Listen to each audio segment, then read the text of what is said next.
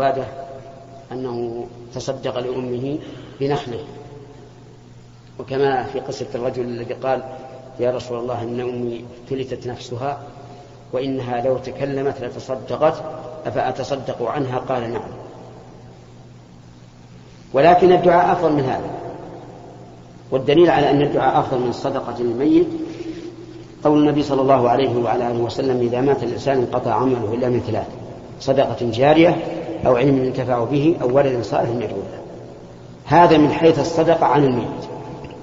أما من حيث هذه الطريقة التي ذكرت أنه يجمع على الميت ويجعل فيه عقار يكون صدقة فلا أرى هذا.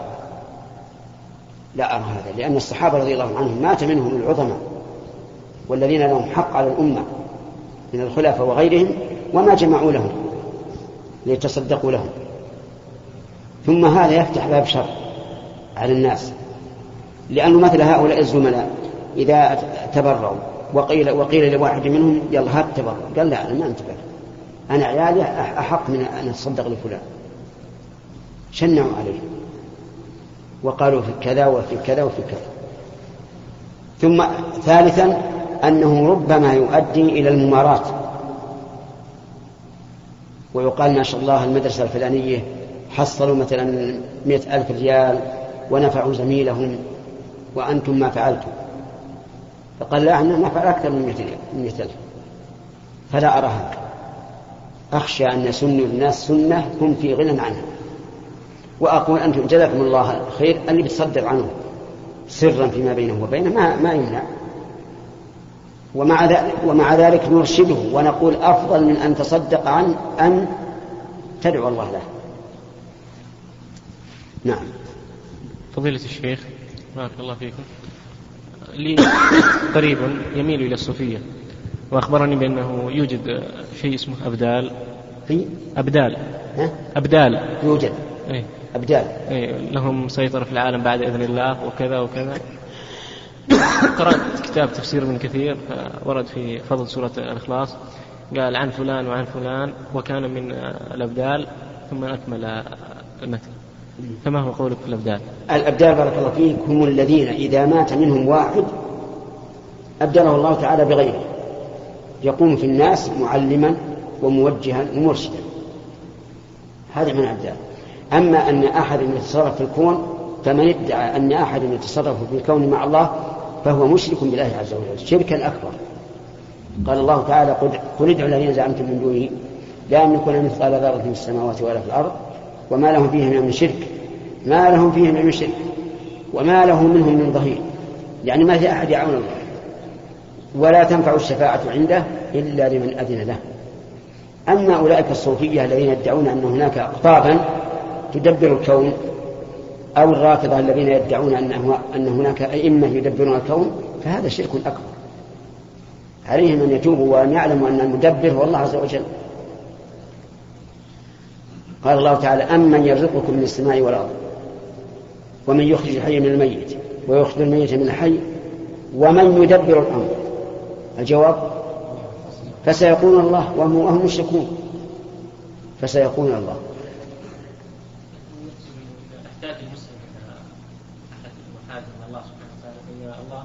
يوفق الأبدال هذا أو أحد الأبدال أنه يأتي من مكان بعيد بسرعة فائقة فيعينه كم؟ بسرعة بعيد يأتي إليه هذا كذب. أبدا. وإن كان أحد ترى له وقال أنا فلان فهو شيطان. والشيطان قد يتمثل بالإنسان. وقد ذكر الشيخ الإسلام رحمه الله أنه أن بعض الشياطين تتمثل به وتقف في عرفة وتفتي الناس. وتقول أنا شيخ الإسلام ابن تيمية. فهمت؟ هذا. هذا كذب ولا ولا يجوز. ومراد العلماء الذين قالوا إن هذه الأمة فيها الابدال كشيخ الإسلام ابن تيمية في العقيدة الواسطية وكذلك ابن كثير وغيرهم من علماء السنة قصدهم الابدال هم الذين إذا مات أحد ممن يقوم لعباد الله بالتوجيه والإرشاد والعلم خلفه غيره. أي صار بدلا عنه. نعم. شيخ. مع اليمين. أو اليسار؟ اختلط الحابل بالنابل نعم. شيخ الجلوس في مكان يوجد فيه منكر من باب إزالة المنكر هل يجلس الرجل يا شيخ؟ إي نعم يجلس عشان ينهاهم عن المنكر. حتى لو كان المنكر موجود يا شيخ. ولو منكر كيف يزيل الإنسان إلا بهذا؟ كيف يزيل المنكر إلا وهو عنده أو عالم به وينهى عنه؟ من بعيد؟ ما يكون لكن لكن إذا جلس مقرا لهم على المنكر ساكنا عن كاره فهو مثله. نعم قد يكون الشيخ مثلا غنى يا شيخ ويجلس معهم. ما يخالف اجلس معهم يا جماعة اتقوا الله اوقفوا إذا وقفوا فهذا المطلوب. لم يقفوا أقوم. يقوم ويتركوا. في بعض الناس شيخ يحتجون بموقف حصل بعض طلبة العلم. يقول إنه جاء مرة في منكر مقام ناس في جلسة أغاني وقال أكملوا. يقول بعد ذلك قال ماذا استفدنا؟ أي هذه هذه من الدعوة. هذه من الدعوة. يعني يريد أن يبين لهم أنه لا خير في هذا المجلس. نعم. فضيلة الشيخ حسن الله إليك. ما الفرق بين قول الله عز وجل سورة الواقع ثلة من الأولين وقليل من الآخرين؟ الآية الأخرى ثلة من الأولين وثلة من الآخرين. الفرق إن الأول السابقين. السابقون ثلة من الأولين وقليل من الآخرين لأنه كلما تمادى الوقت ضعف الدين. الثانية أصحاب اليمين أقل مرتبة من السابقين صار فيهم جماعة من هؤلاء وهؤلاء. الثلة الطائفة أي قليلة وكثيرة لكن ثلة من الأولين يعني كثيرة بدليل قوله وقليل من الآخرين. بعدها اليسار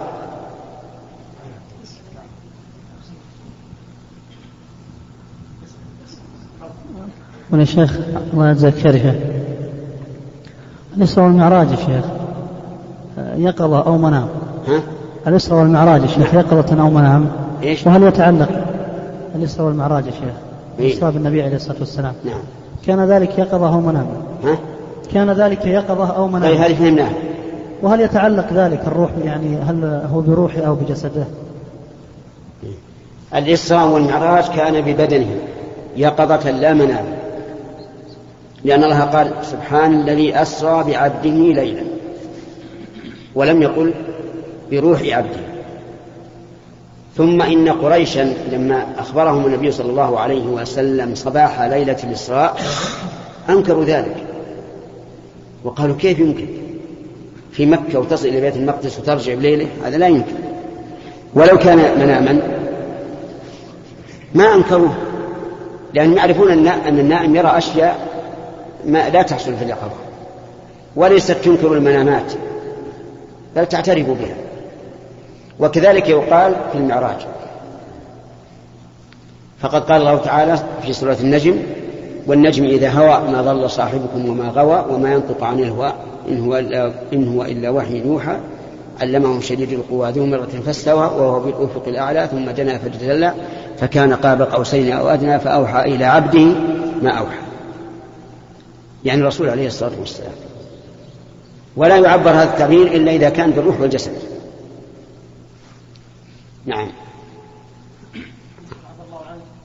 قول الله عز وجل في سورة الإنسان ودانية عليهم ظلالها. معناه يا شيخ؟ نعم. معناه يا شيخ. يعني ظلال الشجر دانية عليهم. ما هي بعيدة؟ يعني كلما دانت. ظل الشجر صار الظل أترف وأبرد. نعم. نعم. نعم. إيوه حتى لو ما في شمس ولا قمر تجد ظل. الآن عند طلوع الفجر إذا ارتفع النهار يعني قبل أن تطلع الشمس تجد ظل. عن النور اللي ينبعث من تحت العرش. فضيلة الشيخ ابتلينا في بلادنا بمن يرى بجواز المظاهرات في إنكار المنكر. فإذا رأوا منكرا معين تجمع تجمعوا وتسووا مظاهرة ويحتجون أن ولي الأمر يسمح لهم بمثل هذه الأمور. أولا أن المظاهرات لا تفيد بلا شك بل هي فتح باب للشر والفوضى. والمظاهرات تمر هذه الأفواج وربما تمر على الدكاكين وعلى الأشياء التي تسرق تسرق وربما يكون فيها اختلاط. بين الشباب المرجان والكهل وربما يكون فيها نساء أحيانا فهي منكر ولا خير فيها. لكن ذكروا لي أن بعض البلاد النصرانية الغربية لا يمكن الحصول على الحق إلا بالمظاهرات. وهم يعني النصارى والغربيون إذا أرادوا أن يفحموا الخصومة تظاهر. فإذا كان مستعملا وهؤلاء وهذه بلاد كفار ولا يرون بها بأسا ولا يصل المسلم إلى حقه أو المسلمون إلى حقهم إلا بهذا فأرجو أن لا يكون به بأس. أما في البلاد الإسلامية فأرى أنها حرام ولا تجوز. وأتعجب من بعض الحكام كما إن كان كما قلت حقا أن يأذن فيها مع ما فيها من الفوضى إيش الفائدة منها؟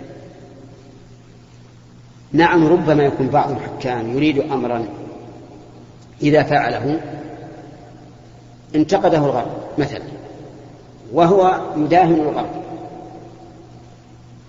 ويحابي الغرب فيأذن للشعب أن يتظاهر حتى يقول للغربيين انظروا إلى الشعب. تظاهروا. يريدون كذا أو تظاهروا لا يريدون كذا فهذه ربما تكون وسيلة لغيرها ينظر فيها. هل مصالحها أكثر أم مفاسدها أكثر؟ نعم. إيش؟ كذا منكر حصل إيه؟ فعملت المظاهرة فنفعت. لكنها تضر أكثر. إن نفعت هذه المرة ضرت المرة الثانية. يسار نعم. شيخ من شروط قطع يد السارق قال الفقهاء يقطع في مجان في ثمن مجان فأكثر وقال في ربع دينار فأكثر. وقت الحاضر فيما يقطع يا شيخ؟ القيمة يعني. ربع دينار. يعني ربع مثقال من الذهب. كم مقدار؟ قليل قليل جدا. يعني ال- الدينار مثقال دينار الإسلام. فيسأل أهل, الذهب كم يساوي ربع المثقال من الذهب. قليل جدا يعني من عشرين ريال إلى حوله.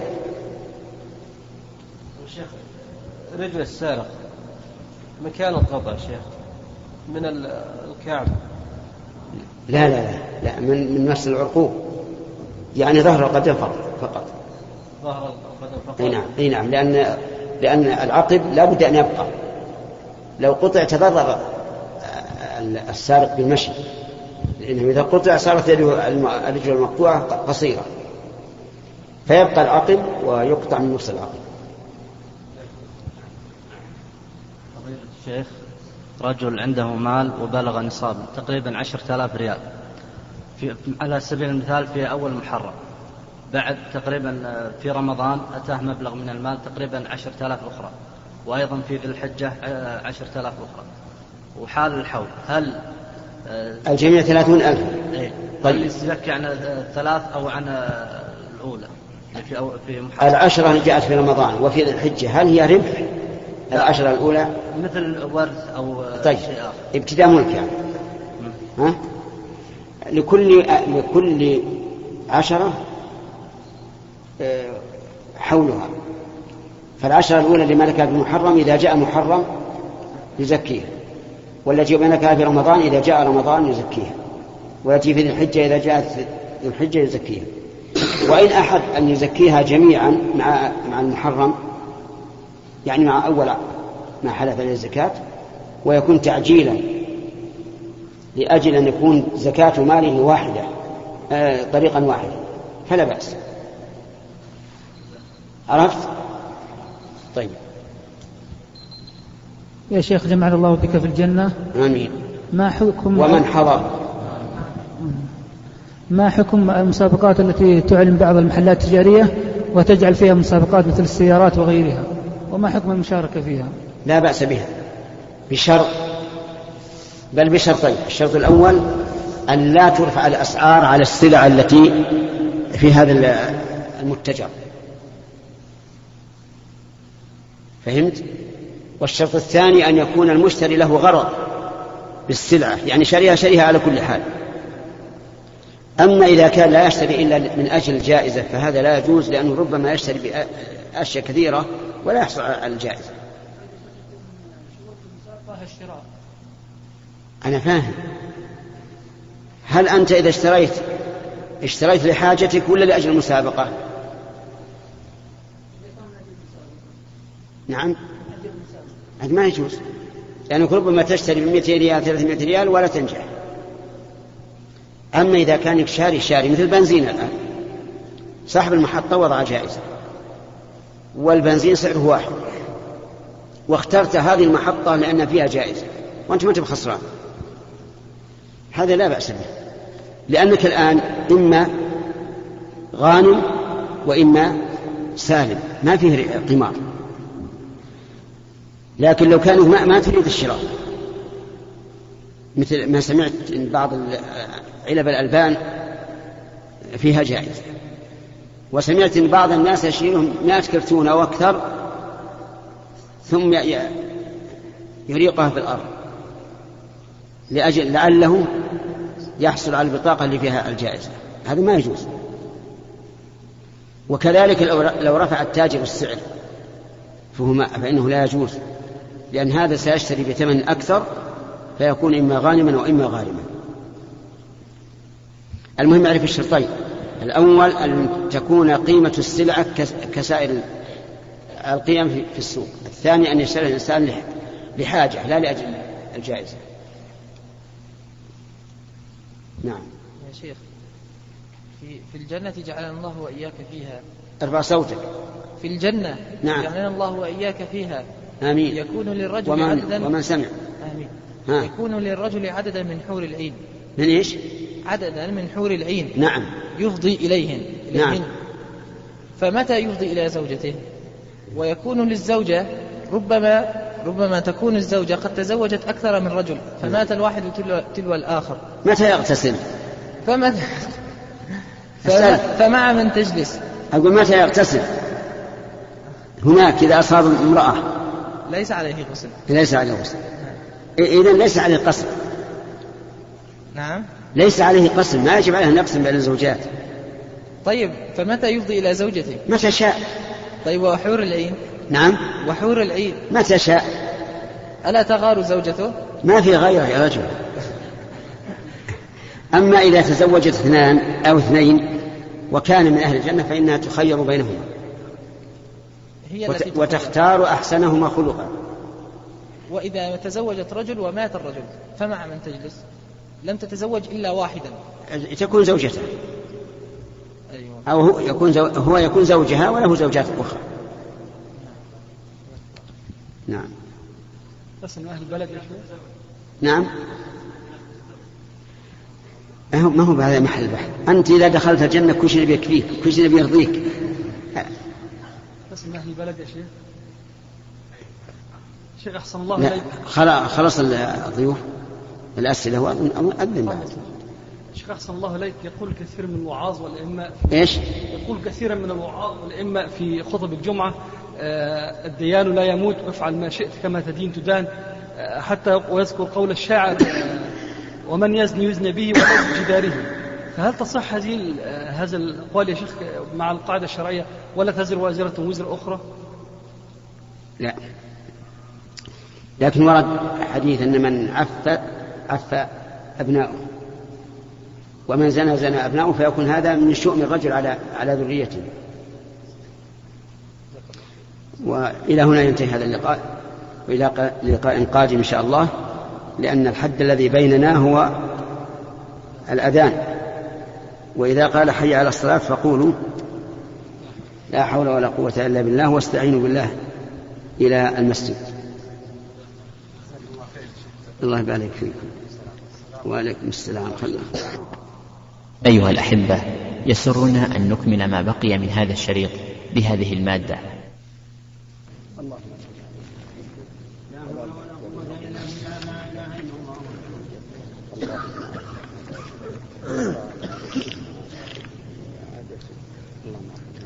بسم الله الرحمن الرحيم. الحمد لله رب العالمين والصلاة والسلام على نبينا محمد وعلى آله وصحبه أجمعين. نقل المؤلف رحمه الله تعالى في سياق الأحاديث في الفصل الأول من كتاب الإيمان. عن ابن عمر رضي الله عنهما قال قال رسول الله صلى الله عليه وسلم بني الإسلام على خمس شهادة أن لا إله إلا الله وأن محمدا عبده ورسوله. وإقام الصلاة وإيتاء الزكاة والحج وصوم رمضان متفق عليه. وعن أبي هريرة رضي الله عنه قال قال رسول الله صلى الله عليه وسلم الإيمان بضع وسبعون شعبة فأفضلها قول لا إله إلا الله وأدناها إماطة الأذى عن الطريق والحياء شعبة من الإيمان. متفق عليه. بسم الله الرحمن الرحيم. الحمد لله رب العالمين وصلى الله وسلم على نبينا محمد وعلى آله وأصحابه أجمعين. ساق المؤلف مؤلف كتاب المشكاة مشكاة المصابيح. حديث عمر رضي الله عنه في مجيء جبريل إلى النبي صلى الله عليه وعلى آله وسلم وسؤاله عن الإسلام والإيمان والإحسان والساعة وأماراتها. ثم ساق حديث ابن عمر رضي الله عنهما أن النبي صلى الله عليه وعلى آله وسلم قال بني الإسلام على خمس. والبناء على الشيء يعني أن المبني عليه عماد عماد للبناء. كما تجعل البيت له جدران تقيم عليها السقف أو أعمدة تقيم عليها السقف. فالإسلام الذي جاء به محمد صلى الله عليه وعلى آله وسلم مبني على هذه الخمس الدعائم العظيمة. الأولى شهادة أن لا إله إلا الله وأن محمدا عبده ورسوله. وهذه أصل الإسلام ولا مدخل الإسلام إلا منها فهي الباب الأول للإسلام. ولهذا قال النبي صلى الله عليه وعلى آله وسلم أمرت أن أقاتل الناس حتى يشهدوا أن لا إله إلا الله وأن محمدا رسول الله ويقيموا الصلاة ويؤتوا الزكاة. شهادة أن لا إله إلا الله تعني أن الإنسان يؤمن بقلبه وينطق بلسانه أنه لا معبود حق إلا الله وحده. فكل ما عبد من دون الله فليس, فليس بإله. فاللات والعزى ومنات وهبل وغيرها من أصنام قريش وغيرهم كلها باطلة. لقوله تعالى ذلك بأن الله الحق. وأنه وأن ما يدعون من دونه هو الباطل. ومتى شهد الإنسان أن لا إله إلا الله وأن محمد رسول الله حقا من قلبه فإنه سوف يعمل بمقتضاها. فلا يصرف شيئا من العبادة إلا لله. لا يركع لأحد ولا يسجد لأحد ولا يحب أحدا كمحبة الله ولا يخشى أحدا كخشية الله ولا يخاف من أحد كمخافته من الله إلى غير ذلك من مقتضياتها وموجباتها. وليست مجرد قول باللسان هي باللسان تمنع القائل من أن يستحل دمه وماله لكنها لا تنفعه إذا لم يكن في القلب من ذلك حق ويقين. ولهذا تجدون الله عز وجل يقول إن المنافقين في الدرك الأسفل من النار وهم يشهدون أن لا إله إلا الله وأن محمد رسول الله. قال الله تعالى إذا قاموا إلى الصلاة قاموا كسالى يراؤون الناس ولا يذكرون الله إلا قليلا. فهم يذكرون الله لكن لا ينفعهم. هم يأتون للرسول صلى الله عليه وعلى آله وسلم يقولون نشهد إنك لرسول الله. فيشهدون شهادة مؤكدة بإن واللام ومع ذلك قال الله عز وجل مكذبا لهم والله يعلم إنك لرسوله والله يشهد إن المنافقين لكاذبون. أسأل الله تعالى أن يجعل قلوبنا وقلوبكم مطمئنة موقنة بأن لا إله إلا الله وأن محمد رسول الله. من مقتضيات شهادة أن محمد رسول الله أن لا يبتدع الإنسان في دين محمد ما ليس منه. فأهل البدع لم يحققوا شهادة أن محمد رسول الله. لأنهم لو حققوها ما ابتدعوا في دينه ما ليس منه. هم يقولون إننا نفعل هذا إكراما للرسول عليه الصلاة والسلام. ومن أجل حماية دينه. نقول هذا الذي فعلتم ينافي الإكرام. لأن الإكرام أن لا تتعدى ما وصف لك المكرم. والنبي صلى الله عليه وعلى آله وسلم حدد الشريعة وبينها وحذر من البدع وقال إن كل بدعة ضلالة. كذلك أيضا من قدم الدنيا على الآخرة. كان يحضر وقت الصلاة مثلا وهو مشغول بتجارته. غير مبال بالصلاة. فهذا لم يحقق شهادة لا إله إلا الله. لأنه لأنه بفعل هذا عبد إيش؟ عبد الدنيا عبد التجارة. ولهذا قال النبي صلى الله عليه وعلى آله وسلم تعس عبد الدينار تعس عبد الدرهم تعس عبد الخميصة تعس عبد الخميلة. أربعة. جعلهم عبادا لهذه الأشياء لأنهم جعلوها أكبر همهم ومبلغ علمهم ومنتهى غايتهم. وإلا من المعلوم أنهم لا يسجدون للدينار ولا للدرهم. ولا للخميصة ولا للخميلة لكن قدموها على عبادة الله فصاروا عبادا عبادا لها صاروا عبادا لها. العاشق مع معشوقه يجعل نفسه عبدا للمعشوق. حتى قال العاشق لا تدعني إلا بيا عبدها فإنه أشرف أسمائي أعوذ بالله. يعني لا تنادين إلا قل يا عبد فلان لأنه أشرف أسمائه عنده. هذا عبد للعشق والعياذ بالله. ولهذا يتبين أن الحديث الذي فيه من عش من عشر.